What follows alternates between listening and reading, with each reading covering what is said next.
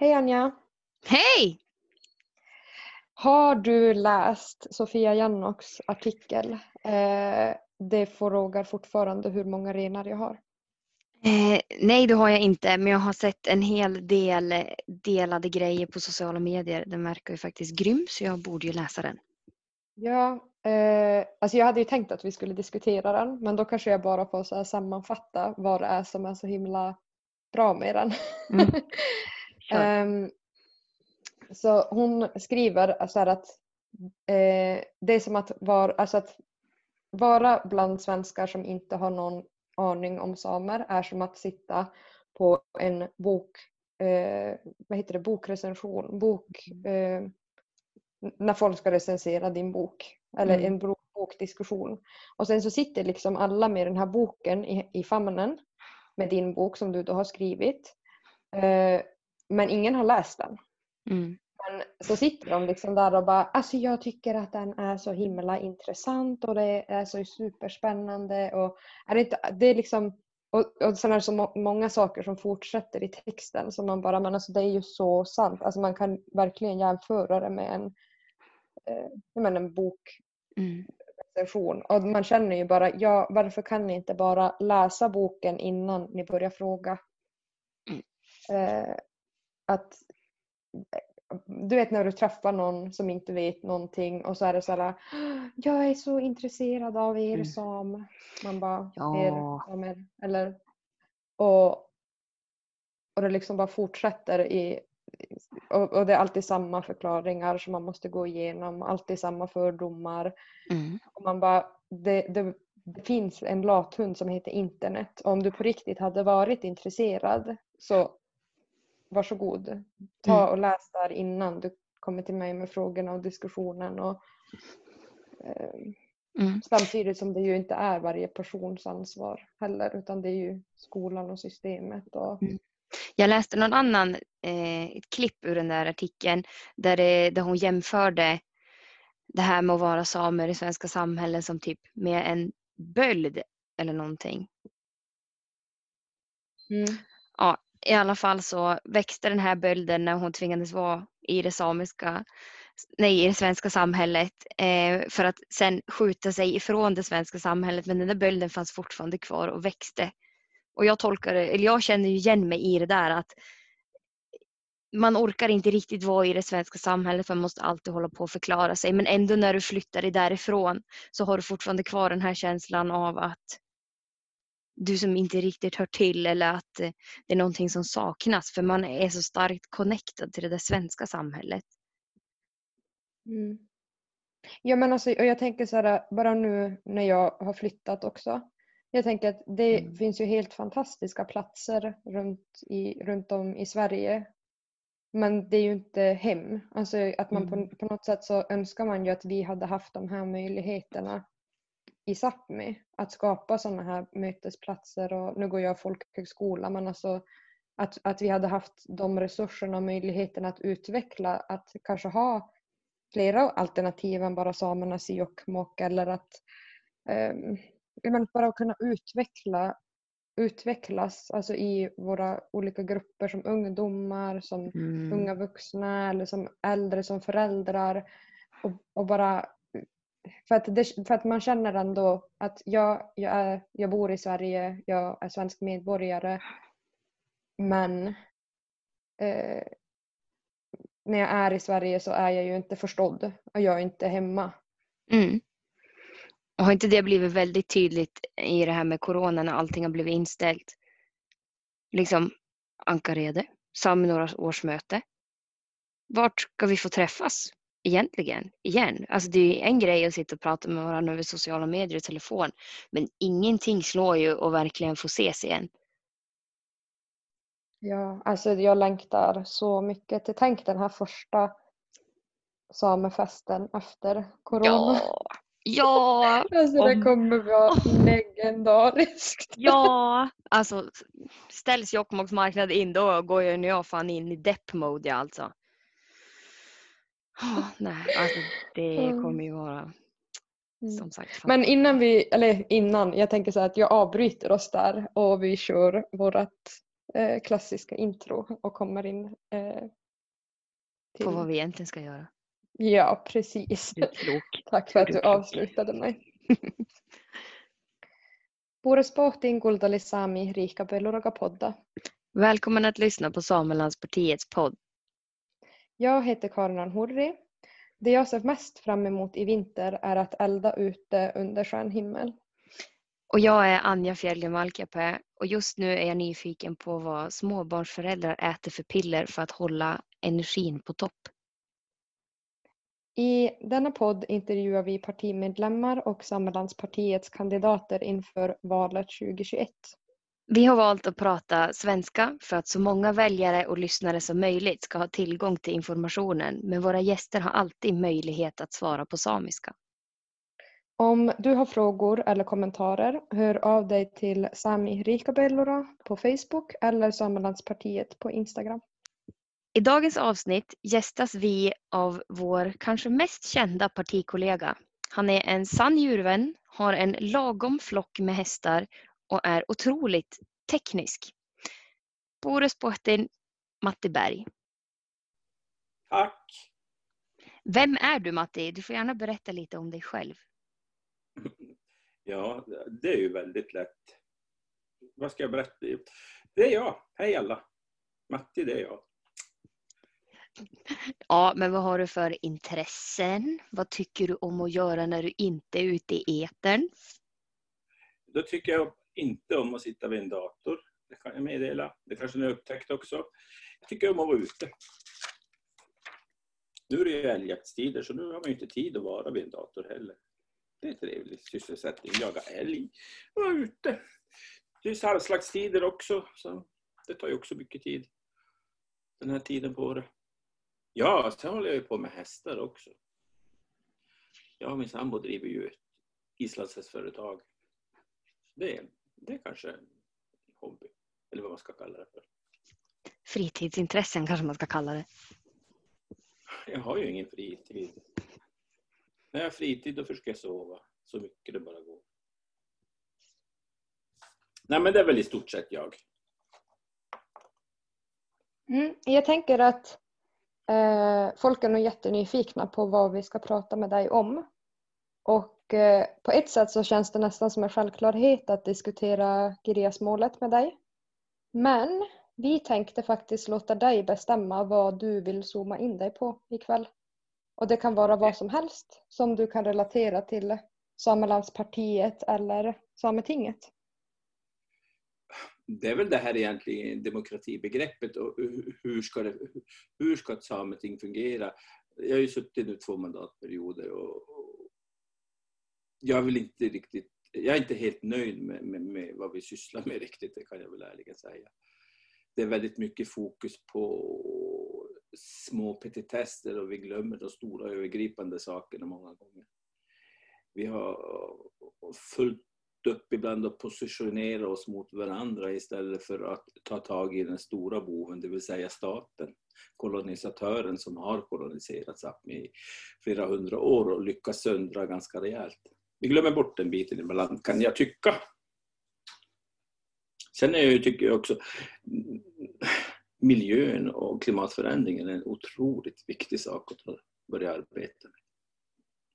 För det är ju förutsättningen för ja, för allt liv. Även vårat. Mm. Om man inte ser bara till klimatförändringarna, vilka andra stora övergripande frågor tycker du att man missar? Eh, mot regeringen? Jag tycker att utveckla vårt samhälle och vår kultur. Ta till exempel språket. Språket har ju överlevt i renskötseln, Det är ju där det har funnits. Men utrymmet för renskötseln minskar ju i rekordfart i och med att skogarna fälls, älvarna däms, vindsnurrorna tar fjällen i besittning. Så eh, utrymmet för renen och renskötseln minskar och då måste vi på något sätt vitalisera språket så det hörs i, i det dagliga bruket. Det är där någonting utvecklas. Förstod ni det där? vart det krångligt. Jag förstod inte själv riktigt. Jo, jag Men det är sånt.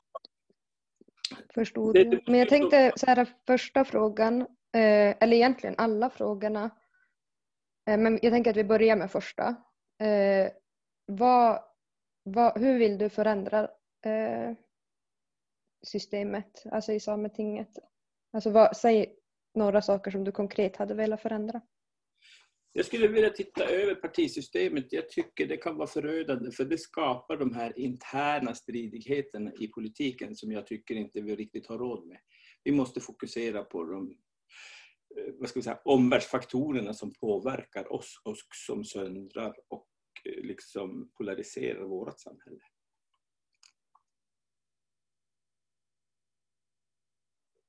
Och klimatfrågorna, hur kan vi arbeta samepolitiskt med dem? Det är att vara vad ska jag säga, globalt medveten och, och följa med i den debatten som finns runt klimatet. Hålla oss uppdaterade. Det är en jätteviktig fråga idag. Den är väl speciellt kanske aktuell här uppe runt Kiruna Malmfälten-området när vi ser hur prospekteringen efter sällsynta jordartsmetaller bara grasserar. Och man planerar en grafitbrytning utanför Vittangi mitt i ett vinterbetesområde. Och så kallar man det för grön omställning. Grön för vem då kan man fråga sig. Man ska köra malmen med långtradare till kusten för upparbetning till batterier. Jag, bara, jag blir mörkrädd när jag tänker och ser scenariot framför mig. Det är inte grönt någonstans. Inte för oss som drabbas utav det. Vad intressant att du lyfter det där för att jag har personligen varit ganska kritisk mot att Alltså jag har nog inte läst en enda artikel eh, om det här fallet, alltså om den här gruvan som är planerad vid mm. Vittangi. Alltså vet du mer om den eller finns det liksom någon, finns det någon motstånd och vart är den? Varför syns det inte? Eh, jag vet inte riktigt heller. Självklart så Talma är väl de som är drabbade mest av det, så där finns det ju ett motstånd och de jobbar säkert med, med på sin kant med det. Och sen tror jag, eller det har varit väldigt splittrat i Vittangi också för och emot markägare och fiskerättsinnehavare. För det, kommer ju att påverka Torneälven som en nationalälv. Så det är märkligt att det inte hörs mer runt det. Det tycker jag också. Jag tycker det är väldigt konstigt. Vart är Naturskyddsföreningen i den här frågan? Det är så många intressen som eh, kommer att bli drabbade om gruvan blir verklighet. Och det blir det ju, för det, det är ju det frågan om. Det, är ju därför vi är där vi är idag. Det är ju på grund av de stora naturresurserna som finns här uppe. Det är ju därför vi är koloniserade. Det är ju därför vi utsätts, hela tiden utsätts för ett tryck utifrån markerna. Men vi, vi, vi, vi tappar lite perspektivet, vi ser det inte. Vi, man ser bara, det, det, är liksom ja, det är en bit här och en bit där och varje litet ingrepp kanske inte har så stor betydelse i sig men sätter du det i det stora hela i ett sammanhang och stoppar in allting annat då blir det ju katastrofala effekter när du får lite perspektiv på det. Mm. Och tror du inte att det att man men jag tänker att om man som renskötare eller som same är ute och ser allting som händer i naturen. Vi ser ju det dagligen men tror ni inte också att de som inte är ute i naturen dagligen och ser på landet som vi gör hamnar ännu längre ifrån det här med att förstå hur olika saker och ting påverkar den natur som de själv lever i. Ja, absolut. Saknar du kontakten med naturen och ser inte sambanden, det är klart som sjutton att du inte tänker på det. Men titta vad som händer runt om i världen. Orkaner, oväder, skogsbränder. Det är dags att vakna. Även Trump måste väl inse att det håller på att gå åt pipan. Men vi måste ju rycka i handbromsen. Och det är ju som, där är ju vi uppe runt Arktis, runt polerna som ser, ser förändringarna först och där det får snabbast effekt och stora effekter. Mm. Alltså jag är ju lite nyfiken på det här med klimatanpassning av renskötseln. Jag tycker ju inte om att typ stödutfodring har blivit en del i klimatanpassningen. Um, hur ser du att man kan klimatanpassa renskötseln? Ja, för det första, stoppa avverkningen av vinterbeten av skogarna. Återställ skogarna. Skogen är ju ett måste för, för, för renen. Och i förlängningen även för hela planeten, för det är ju där vi renar. Det är ju, det är jordens lungor. Men vi gör ju allt för att ödelägga det också. Inte bara i Sverige, det är ju ett globalt problem. Men jag menar, eh, hur sjutton kan man få bedriva skogsbruk som man gör idag? Det är för mig obegripligt. Det är inget skogsbruk, det är ett missbruk av en naturresurs. Man skövlar ju. Om man inför in så innovativa arter i contortan, det är, alltså det är som... Ja, man blir verkligen arg. Oh ja, jag också. Ja, nu... Men jag tänker att man får man förtjänar ibland så jag ska vara arg på det här. Men det, det pratar vi också om det här med eh, att det, man kan inte utveckla språket, det samiska språket lika mycket när utrymmet för renskötseln minskar. Hur ska man komma framåt i det? I språkarbetet tänkte du? Mm. Det är att se till att vi får resurser i det samiska samhället. Så jag tänker ofta, i Sverige kan ju vara, i princip varenda kotte klarar ju sig hyfsat på engelska. Man kan resa runt världen och klara sig bra med engelskan. Och det beror ju, ja vi har en bra grundutbildning men sen beror det ju framför allt på att vi har ett mediautbud som ser, det ser ut som det gör. Det är ju väldigt amerikanskt och engelskt. Vi, vi hör ju engelska dagligen. Då hade vi haft samma förutsättning för det samiska språket så hade det säkert blivit mer, lättillgängligt för en bredare grupp. Och hört det i vardagen. Nej, jag, jag tror på... Vi måste kunna producera mer populärkultur på samiska. TV, talkshows, underhållning, nyheter, filmer. Så man hör språket. Och såklart, det måste ju också kompletteras med utbildningsinsatser, självklart. Men man kan inte bara utbilda, man måste också hitta ett sätt att göra språket levande. Tänker jag. Jag känner lite spontant för att vara lite, uh, gå ur min, min, mina riktiga åsikter och liksom provocera lite. Uh, mm. Och ja, men just det, det, det vanligaste argumentet är ju att ja, men, om man jämför med engelskan så är ju engelskan ett av de mest användbara språken, vi, eller det är ju det mest användbara språket så det är klart att man prioriterar att, att fler ska lära sig det. Men hur kan man argumentera för, för samiskan? Alltså, var, varför är den viktig? Varför ska vi behöva argumentera för den? Det är ju vårt språk. Det är ett ur, urfolksspråk, det är klart det är vårt språk. Det är, vi äger språket. Och nu måste vi se till att vitalisera det så, så vi hör det även utanför renskötselsammanhang. Du ska kunna gå på OK och eh, tanka bilen och använda det av samiska. I den bästa av världar. Du ska alltså slå på TV på kvällen och titta på en jättebra deckare så ska den vara på samiska. I den bästa av världar.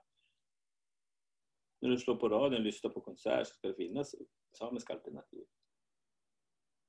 Det, det, det levande gör ju språket fler tidningar. Fast det är knappt, det finns ju knappt några tidningar kvar. Ja fast typ artiklar eller media. Men du, du måste ju få ut, en förutsättning för det är ju att vi får ekonomiska resurser till att börja med. Så det är väl där någonstans man skulle behöva börja, att se till att det samiska samhället får tillbaka lite av de miljarder man har plundrat Sápmi på genom historien och man dagligen plundrar än idag. Jag håller med om det här med att egentligen så, ja, egentligen så håller jag med om att man inte ens ska behöva argumentera för att varför ska vi behöva använda vad ska man säga, västerländska eller svenska mått för att bekräfta någonting som är viktigt för oss? Nej. Eh, det är våran fråga. Men, ja, men samtidigt så så tänker jag att ett sätt för att få för att, ja men, vad ska man säga, få lite kött på benen kanske i debatten är väl att vårt språk ändå är väldigt rikt. Och det finns ju faktiskt så många saker som du inte ens kan använda andra språk för, för att förklara. Som är direkt bundet till vår natur, vår kultur och liksom bara den kunskapen. Men varför ska vi ens behöva debattera för det och argumentera för det? vi ska ha en påse pengar som motsvarar det man har plundrat ut från det här landet. Så vi kan använda efter eget huvud och då är det väl självklart att stärka språket är en självklarhet. Det ska vi inte vi behöva gå till staten och tigga pengar för och få någon spottstyver lite då och då. Det är en rejäl satsning på, på att få resurser. För resurser. Sveriges välfärd är byggd med rikedomar från Sápmi. Malmen, vattenkraften, skogen. Det är tre stora statliga bolag som har sugit ut den här landsändan och fortfarande suger ut landsändan. LKAB, Vattenfall, Sveaskog. Sen har vi ett antal stora privata företag, Boliden bland annat. De tjänar ju sina miljarder. Det är ju här uppe på vems bekostnad. Vem är det som får betala för deras miljardvinster? Ja, det är renen. Och i förlängningen våra folk och vår kultur. Det, jag tycker verkligen man måste börja ställa hårdare krav och argumentera för de kraven. Det, det är inte okej okay att man ska behöva gå med mössan ändå och tigga. Från någon som redan har plundrat oss på så mycket. Jag är enig.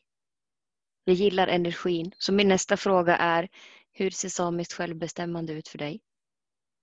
Det är att vi har de ekonomiska resurserna att kunna administrera våra egna liv och våra egna frågor.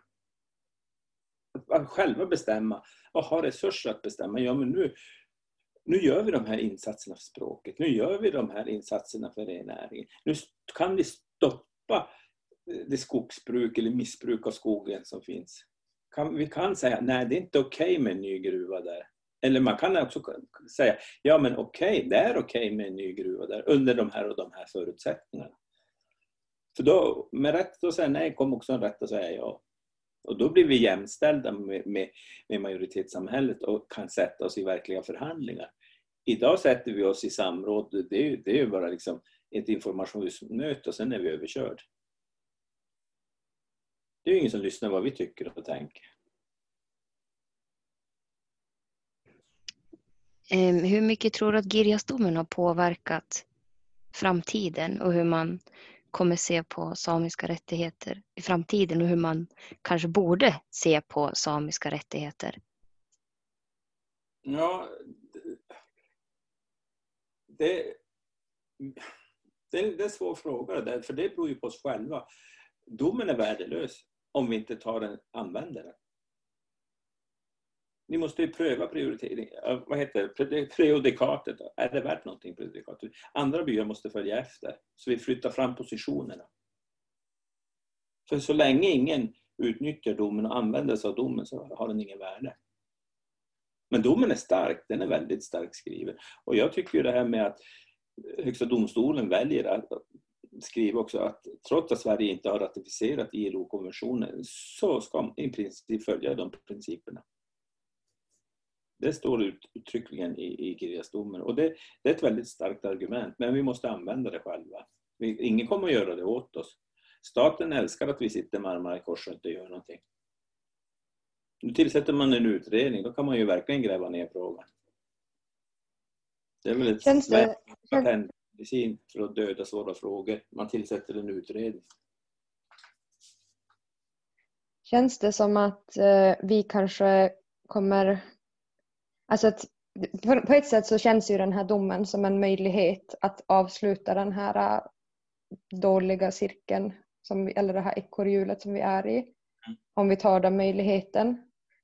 Men hur ska vi göra det? Och liksom, om vi inte gör det, alltså finns det någon möjlighet att vi kommer hamna i en situation vart det enda som kan göras eller kvar att göras är någon slags liksom intervention, alltså ja, intervention eller en protest eller en lite som Black Lives Matter tänker jag eller något. Förstår du hur jag menar? Eller hur, hur tänker du att hur, hur tänker du att den samiska kampen eller kampen för land och vatten kommer att se ut nu framöver? Ja, alltså det, det, är också så jäkla svåra frågor för sakägare och, och markanvändare det är ju samebyarna. Samebyarna måste driva frågorna. Så är det ju. Och att fler går till domstol och fler skriver till staten och begär att förvaltningen av jakt och fiske i diskussioner med andra exploatörer, med trafikverk, med gruvbolag och så vidare hänvisar till domen. Det står uttryckligen i domen att man ska respektera ILO-konventionen och FNs urfolksdeklaration. Jag pratade med en konsult och han skulle göra ett arbete åt Trafikverket. En, en rennäringsanalys. Och jag sa det, att jag påminde honom om HD-domen, vad det står i den. Och han höll helt med, men han trodde nog inte att Trafikverket hade läst det. Men han skulle påminna dem om saker. Sverige måste passa in sin lagstiftning så den följer internationell lag och praxis. Mm. Det gäller urfolk. Så egentligen så behöver vi ta Girjasdomen och slå den i huvudet på alla personer som egentligen sitter i någon form av maktposition. Typ. Så, för, de är, ja. för de är för dumma för att inte fatta bättre. Nej men de vill ju inte fatta. För det, grejen är ju den att det i grund och botten handlar ju här om ekonomi. Det är ju Sveriges eh, basindustri som är rädd om sina råvaror. Så är det ju. Men geopolitiskt så är ju Nordkalotten högintressant idag. alltså jag har en ganska mesig åsikt i just den här debatten. Eh, att jag tror att det, alltså det, är, just, det är en strukturell fråga. Eh, alltså vi är ju i ett kapitalistiskt samhälle och folk reflekterar ju inte ens över liksom sina värderingar eller ja, men, den här pengarmissbruket som vi lever i. Och eh, på något sätt så, jag har ju, jag har ju träffat en del politiker, inte lika många viktiga som ni har.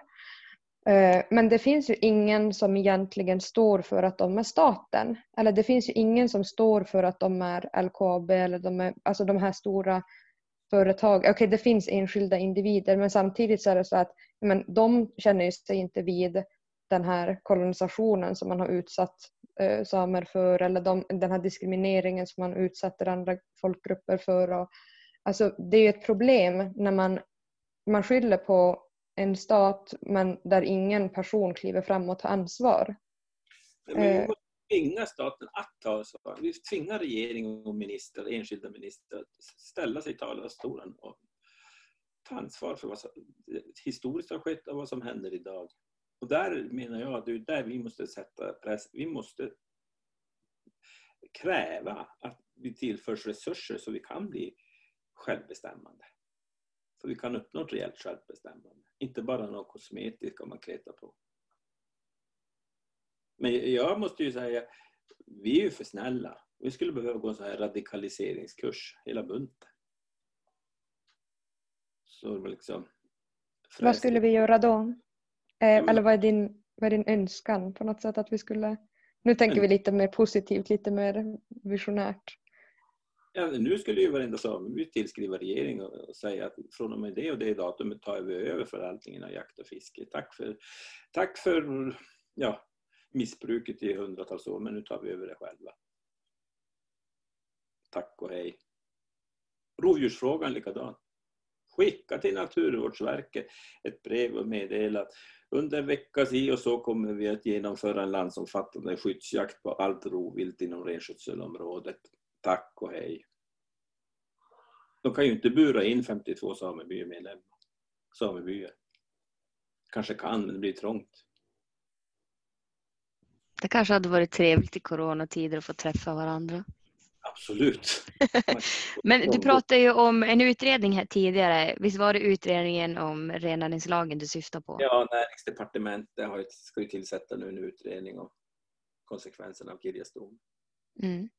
Men jag menar, för... mm. HD har utrett det här nu. Sveriges domstolsväsen har hållit på i tio år med det här och utrett det. Sveriges högsta jurister har utrett saken klart. Jakten och fisket ovan nordlingsgräns och renbetesfjällen, det tillhör samerna. Vad är det att utreda? Det de behöver göra det är väl kanske en konsekvensanalys och se till att man eh, anpassar lagstiftningen.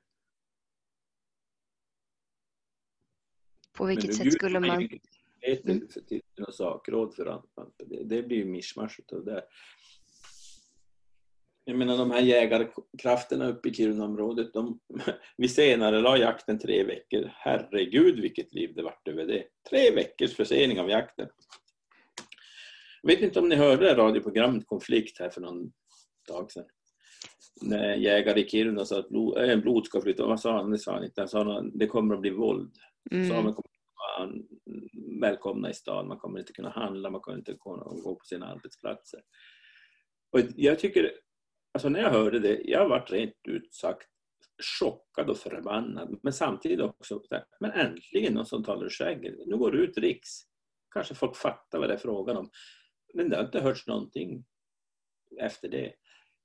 Jag, jag, någon gör ju ett tjänstefel, det där skulle ju utredas, de uttalanden. För där satt ju också Jägarförbundets ordförande för Norrbotten satt ju med den här karln som uttalade det där och hon sa ingenting för att liksom lägga band på det uttalandet. Utan det fick gå ut. Tycker det är fruktansvärt. Det är verkligen att polarisera och skapa debatt och, och försöka söndra.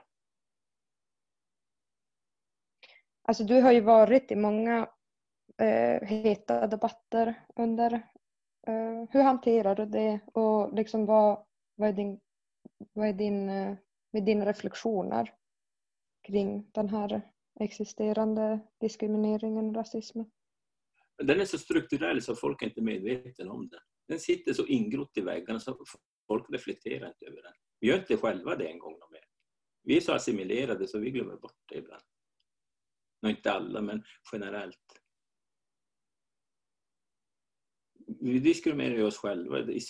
Ibland när man sitter i Sametinget och hör alltså, käbbel om konstiga saker, alltså man blir mörkrädd. Mm, jag tycker också att det märks ganska ofta att, jag menar, att vi har det här koloniserade hjärnan. Att ja, vi argumenterar med Alltså vi argumenterar med svenska värderingar. Vi, vi försöker bevisa hur mycket rennäringen tjänar alltså i pengar och liksom för vem. Alltså det är som att vi måste alltid argumentera för hur det gynnar svenskar att vi gör en viss sak. Och jag tänker med, speciellt med Girjasdomen så har ju den debatten varit väldigt strukturell och väldigt... alltså det, det, är som att... Det är som att det har ju tvingat fram de här spökena ur garderoben. Vi har ju pushat fram dem. De har ju verkligen trädit fram nu och visat sitt rätta ansikte. På, på sociala medier var det ju väldigt hätskt och hatiskt ett tag. Men eh, nu när det gick ut radio och riks, alltså, hot om våld och, och vuxenmobbning. Och, alltså jag tyckte det var så fruktansvärt dåligt. Jag hoppas någon gör någon uppföljning på det där. Inte undra på att världen ser ut som den gör när tre veckors försening av jaktpremiären kan få folk att reagera så inte undra på att man terrorbombar och bränner och skjuter i Mellanöstern där de tar land ifrån en och bränner och våldtar. Det är inte så jävla konstigt. Här bråkar man om tre veckors försening av jakten. Snacka om ilandsproblem. Ja, men jag tänker den här rörelsen som eh, kom men efter Girjasdomen just mot diskrimineringen av samer, den blev ju ganska stor. Och sen ja. var det som att det försvann lite i den här coronakrisen. Precis. Absolut, där försvann det. För coronan kom som och la en våt filt över allting. All media, uppmärksamhet, all diskussion, allt, allt fokuserade på, på coronan. Och det är förståeligt, det är ju en världspandemi som har drabbat. Världen kommer väl aldrig att se ut som innan. Det tror inte jag i vart fall. Så det är väl inte konstigt att den tar mycket fokus. Men ändå kan jag tycka att Sverige ska ju ha varit ett land med väldigt hög svansföring vad det gäller mänskliga rättigheter, jämställdhet, miljöarbete. Och så får sånt där passera utan att någon reagerar. Ja, lite frustrerad blir jag kan jag ju säga.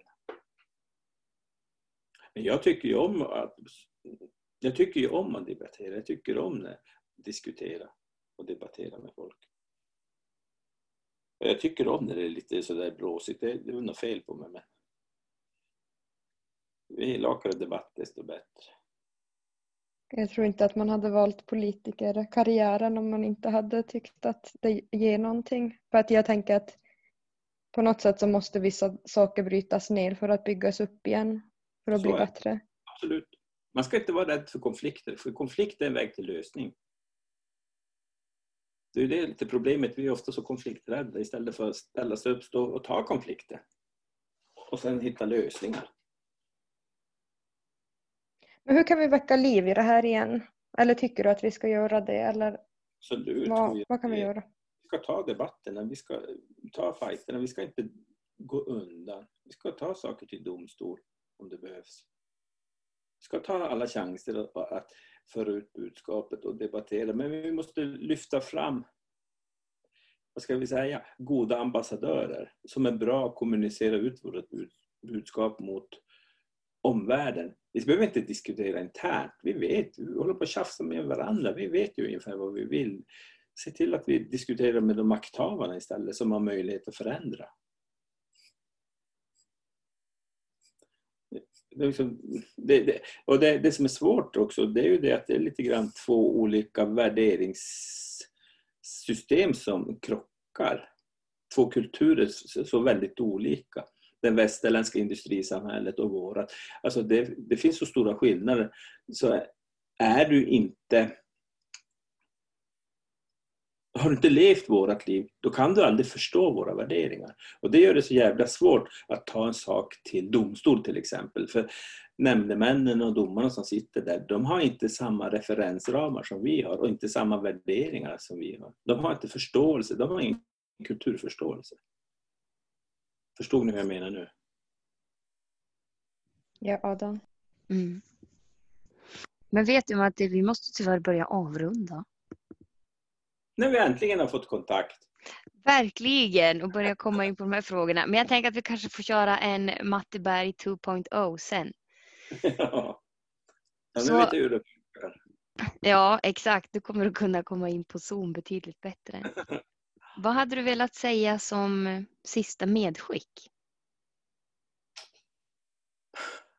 Till lyssna runt om. Sprid budskapet. Det är val i vår.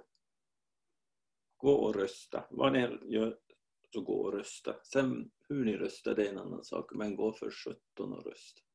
Det är vår rättighet. Enda sättet att uppnå förändring, det är att se till att vi får kloka och förståndiga människor på, i positioner.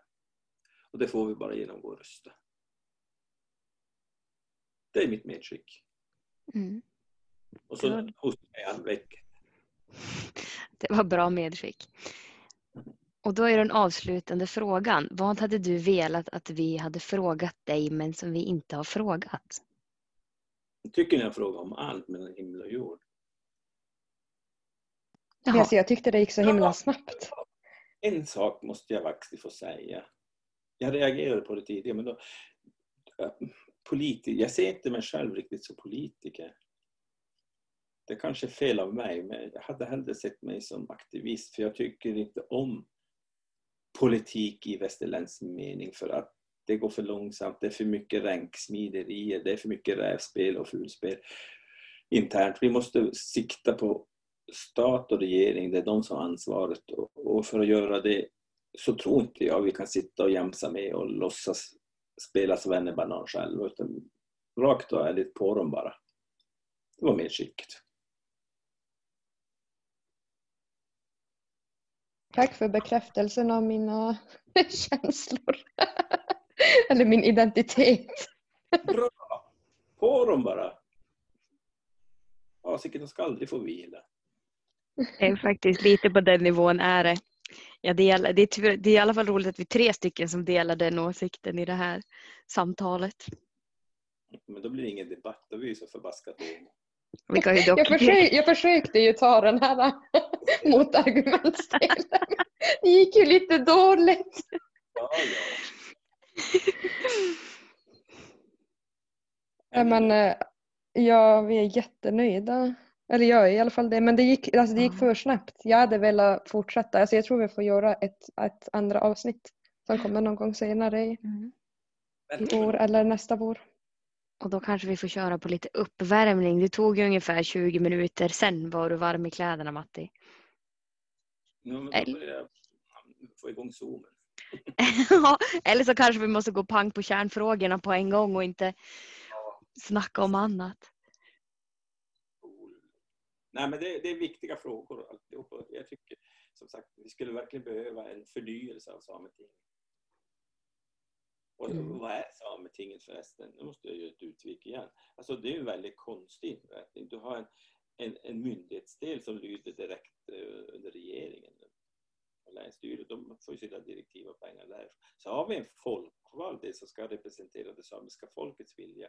Och det står, går ju ofta stick i stäv med, med svenska statens vilja i många ärenden. Så det är klart som sjutton det blir knepigt. Alltså jag tror att våra väljare nu vet att det här är en fråga som vi alla brinner för och inför nästa mandatperiod då kommer vi att jobba med den. För nu, det vi har diskuterat här i varje avsnitt. Mm. Och ja, alltså det är ju A och O för att vi ska kunna börja göra ett bra arbete. Eller att Sametinget ska kunna börja göra ett bra arbete. Ja. Men om du tittar på det politiska, vi måste vara jag hoppas verkligen att vi får en tydlig och klar majoritet efter nästa val. Så vi inte hamnar i situationer som vi är fyra samarbetspartier, eller vad är vi, en hel drös i alla fall. För det blir ett jävla jämkande och kompromissande så vi kommer aldrig till de viktiga frågorna. Vi har så mycket tjafs bara att hålla ihop strukturen, vår egen struktur, maktstruktur. Så vi, vi, vi missar det viktiga. Nu får man väl sparket från partiet, men det får man väl ta. Tack för att du körde lite över tiden nu men det kanske går att klippa. Sorry. nej, men, nej men tack så jättemycket för att du ställde upp. Tack Matti för att du tog dig tid. Vad bra. Det vet du väl att jag gillar surfla. Även genom en dator. Jag har bara fått igång fanstyget. Tack för ditt deltagande. Det, det kommer säkert ut redan typ imorgon eller ja. Någon dag. Vi hör Tack, tack. Ha det gott. Hej då. Har vi några announcements? Nej, jag tror inte det. Nej, jag tror inte heller det. Mm. Eh, håll utkik på våra sociala medier och podden kommer som vanligt släppas lite när vi har tid. Ungefär varannan, var tredje vecka. Mm. Yes. Hej då! Ha det gott!